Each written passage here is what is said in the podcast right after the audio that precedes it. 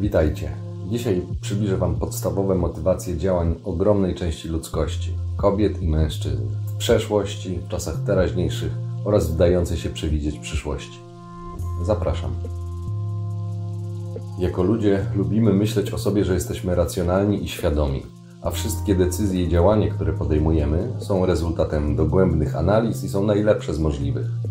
Być może czasem tak jest, jednak z moich obserwacji wynikają inne wnioski. Na podstawowym poziomie każde ludzkie działanie, jakie tylko możesz sobie wyobrazić, sprowadza się do dwóch podstawowych kwestii: strachu i przyjemności. Są to instynkty pierwotne i bardzo silne.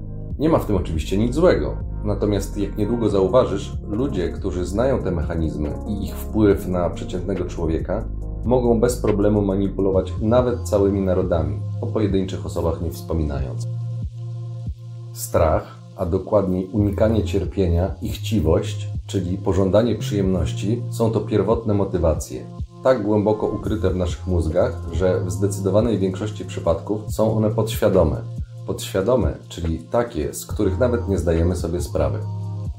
Przyjrzyjmy się pierwszej i moim zdaniem najsilniejszej z możliwych motywacji strachowi. Boimy się tego, co nieznane, ponieważ jeżeli jest nieznane, to nieznane są też intencje i konsekwencje takiej nowości. Bez znaczenia, czy jest to człowiek, czy sytuacja, może zagrażać nam w najwyższym stopniu na poziomie zdrowia i życia. Strach, czyli nieprzyjemne uczucie, jest bezpośrednio podłączony do naszego układu nerwowego, a dokładniej do jego najstarszej części, czyli gadziego mózgu. Jest to ewolucyjnie najstarsza część mózgu, która odpowiada za podstawowe i automatyczne funkcje życiowe, takie jak oddychanie, praca serca, przeżycie i prokreacja. Działa poza świadomością i powtarza zaprogramowane w nim schematy. Ze świadomego punktu widzenia najgorsze jest to, że ta część mózgu jest poinformowana o wszystkich bodźcach pierwsza i dlatego kontroluje pozostałe części. Przykładem potężnego wpływu i ograniczonej możliwości świadomego kontrolowania gadziego mózgu jest bicie serca lub oddech. Spróbuj zatrzymać swój puls na 5 minut, a następnie powróć do normalnej pracy serca. Nie da się. Podobnie z oddychaniem. Spróbuj świadomie wstrzymać oddech na 5 minut. Nie da się. Gadzi mózg, którego zadaniem jest utrzymać nasze ciała przy życiu, wymusi zaczerpnięcie oddechu dużo wcześniej, ponieważ tlen zawarty w powietrzu, którym oddychamy, jest niezbędny do życia. W związku z tym strach przed śmiercią dla większości ludzi jest głównym i najsilniejszym motorem działania. Zachęcam Cię do zgłębienia wiedzy o samym sobie, ponieważ jedyna relacja, której możesz być pewien, że potrwa do końca Twojego życia, to relacja z samym sobą. Więc dobrze byłoby poznać takiego dozgonnego kompana, najlepiej jak się da. A teraz w ramach treningu zastanówmy się, dlaczego ludzie tak obawiają się na przykład zwolnienia z pracy ponieważ utrata pracy oznacza utratę dochodów, dochodów, czyli środków do życia. To może spowodować, że jeżeli nie masz odłożonych pieniędzy w postaci oszczędności, można mieć problemy z dachem nad głową i z jedzeniem, a to w nieodpowiednich warunkach jest już wprost zagrożeniem dla życia. Utrata pracy może w konsekwencji następujących po sobie zdarzeń doprowadzić do śmierci z głodu lub z wychłodzenia zimą. Dlatego sama myśl o braku pieniędzy jest tak nieprzyjemna.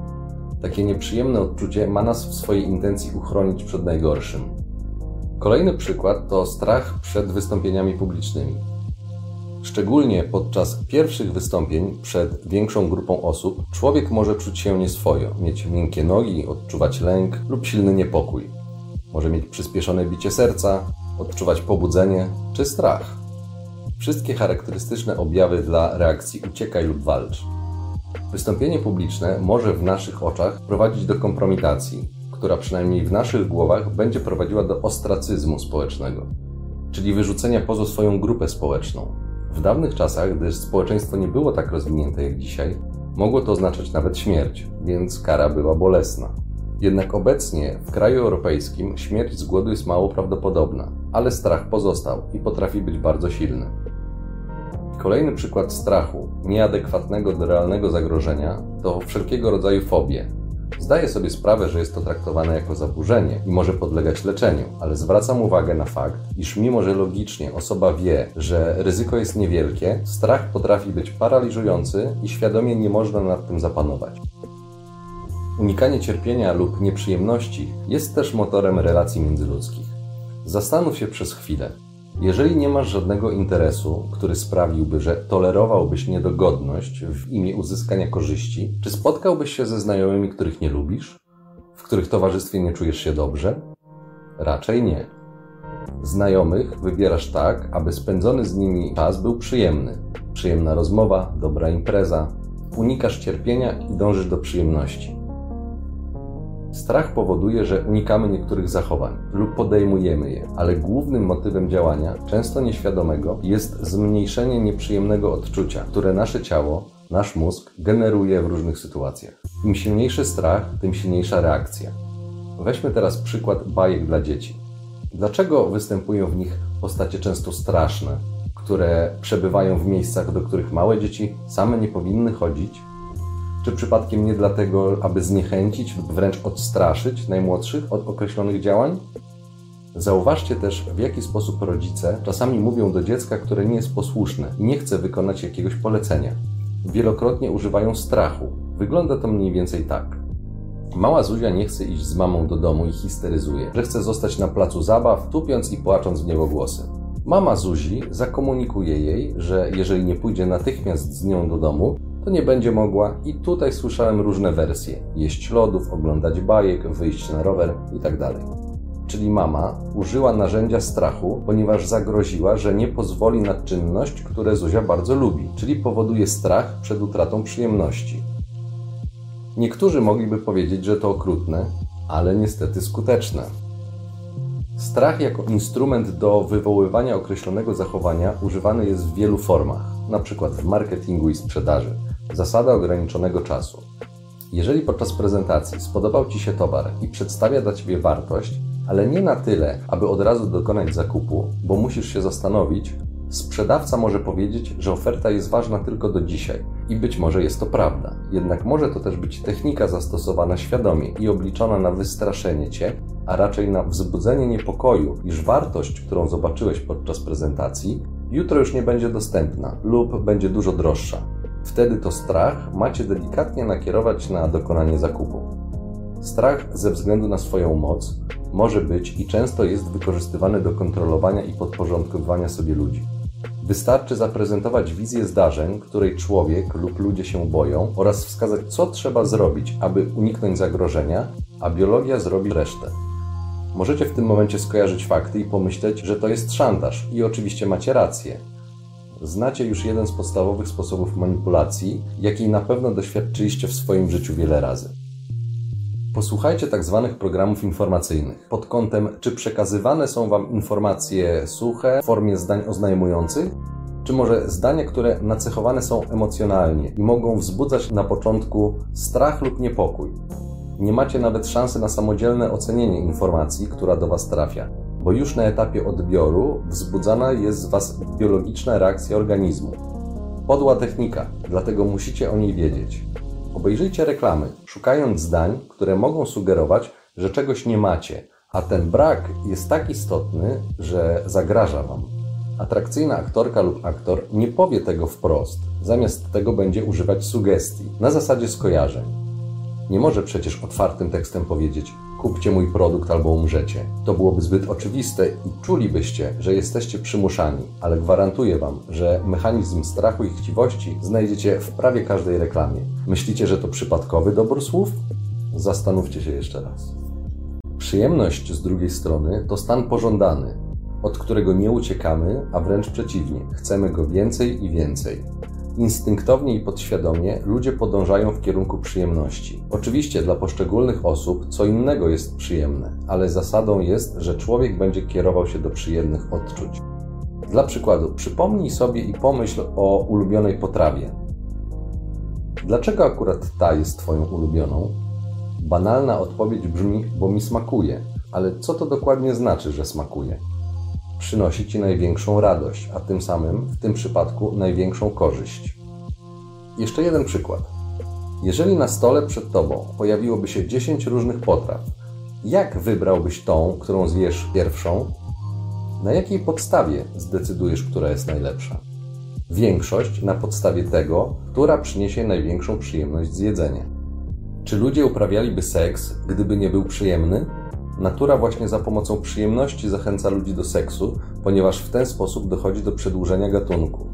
Gdyby orgazmowi towarzyszył potworny ból, porównywalny do złamania kości, ludzie unikaliby go jak ognia. To dlatego kobiety, jeśli są zainteresowane mężczyzną, będą emanowały swoją seksualnością, kusząc go wizją seksu, ponieważ doskonale wiedzą, że jest on bardzo przyjemny, a dodatkowo taki bodziec trafia bezpośrednio do gadziego mózgu, czyli oddziaływuje na podświadomym poziomie na stymulowanie przyjemności, której każdy pożąda. To dlatego, kiedy widzisz atrakcyjną kobietę, podświadomie będziesz zmuszony, aby jej się lepiej przyjrzeć. Twój gadzi mózg, który kontroluje takie aspekty, będzie chciał upewnić się, że kobieta, którą widzisz, na pewno jest atrakcyjna.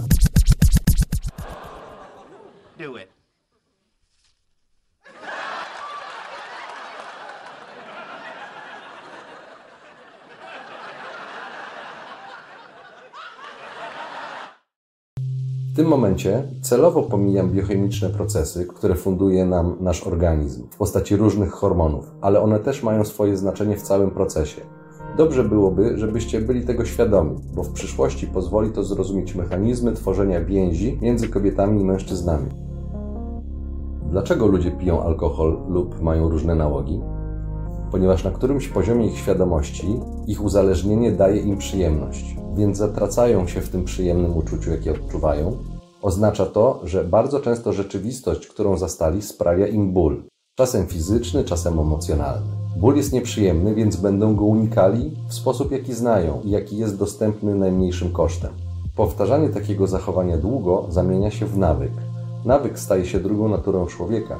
Mimo pozytywnej intencji, jaką jest unikanie cierpienia, ludzie wpadają w alkoholizm lub inne szkodliwe dla siebie nałogi. Podobnie nadmierne jedzenie, w tym też słodyczy. Cukier poprawia nastrój, więc jeżeli ktoś ma słaby nastrój, może sięgnąć po słodycze, np. lody czy czekoladę, ponieważ chce poczuć się lepiej. Na uczucie sytości reagujemy pozytywnie. Jest to dla nas nagroda. Na głód odwrotnie. Jeżeli ktokolwiek z Was w czasie treningu siłowego był na tzw. Tak redukcji, czyli w swojej diecie miał deficyt kaloryczny, niech przypomni sobie pierwsze dni czy tygodnie. Czy było to miłe? Czy może było dziwne uczucie rozdrażnienia? W taki sposób natura zmusza nas do działania.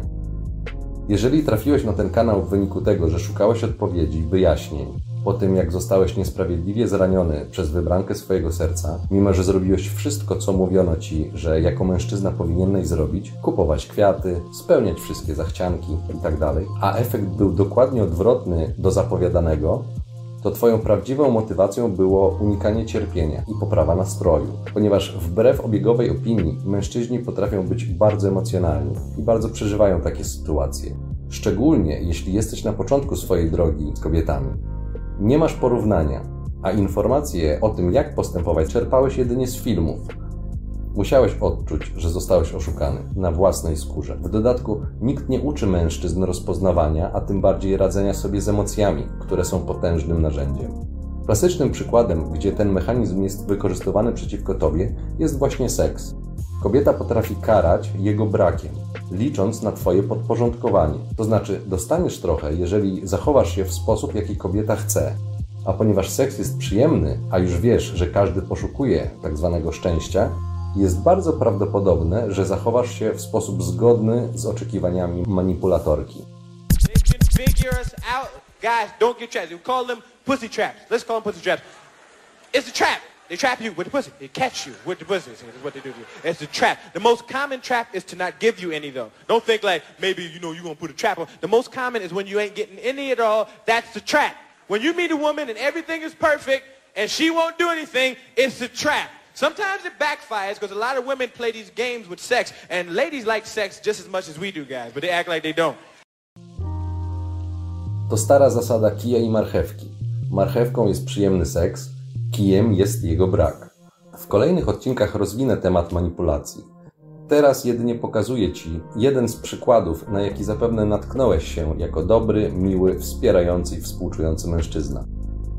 A teraz największy sekret, jaki jest przed Tobą ukrywany dopóki nie dowiesz się i nie zrozumiesz, że szczęście i cierpienie zależą wyłącznie od ciebie. Nie mówię teraz o bólu i o przyjemności, bo te czynniki mogą być skojarzone w bardzo różny, często dziwaczny sposób. Weźmy na przykład masochizm lub anoreksję. Dopóty będziesz podążał za instynktem, szukając szczęścia na zewnątrz siebie. a nic, co jest poza tobą, nie może ci go dać. Pracę możesz stracić, rzeczy, które posiadasz, możesz stracić. Mogą być skradzione lub zniszczone. Kobieta, o której myślisz, że daje ci szczęście, może już nie chcieć z tobą być. Ma takie prawo. I co zrobisz? Może zawieść twoje zaufanie w bardzo brutalny dla ciebie sposób, zdradzić cię, mimo że przyrzekała wierność i miłość. I co zrobisz? Zapamiętaj i postaraj się zrozumieć, a najlepiej doświadczyć. Wszystko, co jest na zewnątrz ciebie, może być ci zabrane i wykorzystane, aby cię kontrolować. Suddenly, I was thrown into this expansive, amazing feeling of freedom from myself, from my problems. I saw that I was bigger than what I do, I was bigger than my body. I was everything and everyone.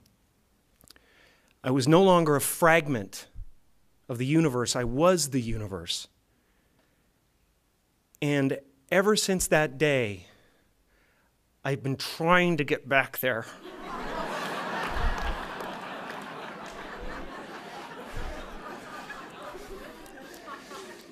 It comes and it goes. It's like riding a wave. Sometimes I'm on, sometimes I'm off. But at least I know where I want to go. And that I want to take as many people with me as I possibly can because the feeling is amazing. Czy jest to łatwe? Absolutnie nie. Nauka może być długa i żmudna, może potrwać lata, ale jest tego warta. Prawie każde zachowanie będzie cechowało się tymi motywacjami, bo są biologiczne i pierwotne. Gdy się nad tym zastanowisz, dostrzeżesz je w 99,9999% przypadków ludzi, znajomych i obcych, przyjaciół i wrogów, nawet wśród najbliższych. Dlatego musisz wiedzieć, bo jeśli nie, to będziesz wykorzystywany i będziesz cierpiał. Dlatego, że obraz świata, który został ci sprzedany, bardzo często jest fałszywy. A to, że o tym nie wiedziałeś, nie spowoduje, że nie poniesiesz konsekwencji. Poniesiesz. Niekiedy będą bardzo bolesne. Życia nie oszukasz.